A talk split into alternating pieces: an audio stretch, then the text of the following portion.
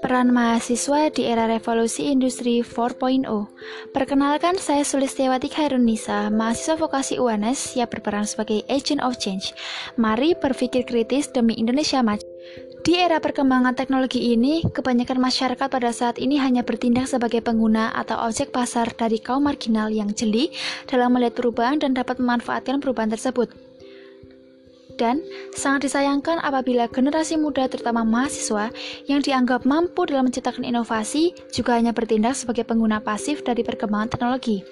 Mahasiswa sebagai pilar dari kaum muda sekaligus sebagai generasi pencetus harus menaruh perhatian lebih terhadap kondisi ini. Selain sebagai pengguna, mahasiswa juga seharusnya berperan sebagai pemimpin dalam menghasilkan kreativitas dan inovasi guna menyongsong perkembangan industri 4.0 saat ini. Mahasiswa bisa berperan aktif dengan sering memperkaya literasi dan melakukan penelitian mengenai hal-hal yang belum diketahui agar kreasi dan inovasi dapat tercipta. Sudah seharusnya mahasiswa memiliki kawasan yang luas dalam hal perkembangan teknologi. Memanfaatkan waktu bukan hanya untuk memenuhi kepuasan diri sekedar mengetahui perkembangannya, namun memilah, mempelajari hal yang bernilai dan berpeluang bisnisnya yang dapat mengasah keterampilan mahasiswa dalam menyongsong era industri 4.0 ini. Seorang mahasiswa mutlak menjadi lifelong learner atau pembelajar seumur hidup yang artinya selalu peka terhadap hal-hal baru dan selalu mengasah keterampilan sesuai kebutuhan saat ini.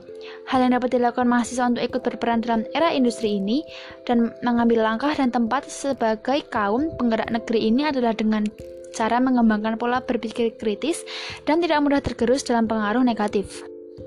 Hal ini Berarti dengan banyaknya informasi yang bisa didapat, mahasiswa harus mampu melihat manakah informasi yang dapat dipercaya dan tidak, serta tidak langsung percaya dengan segala informasi yang belum tentu kebenarannya.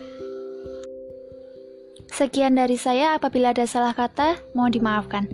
Wassalamualaikum warahmatullahi wabarakatuh.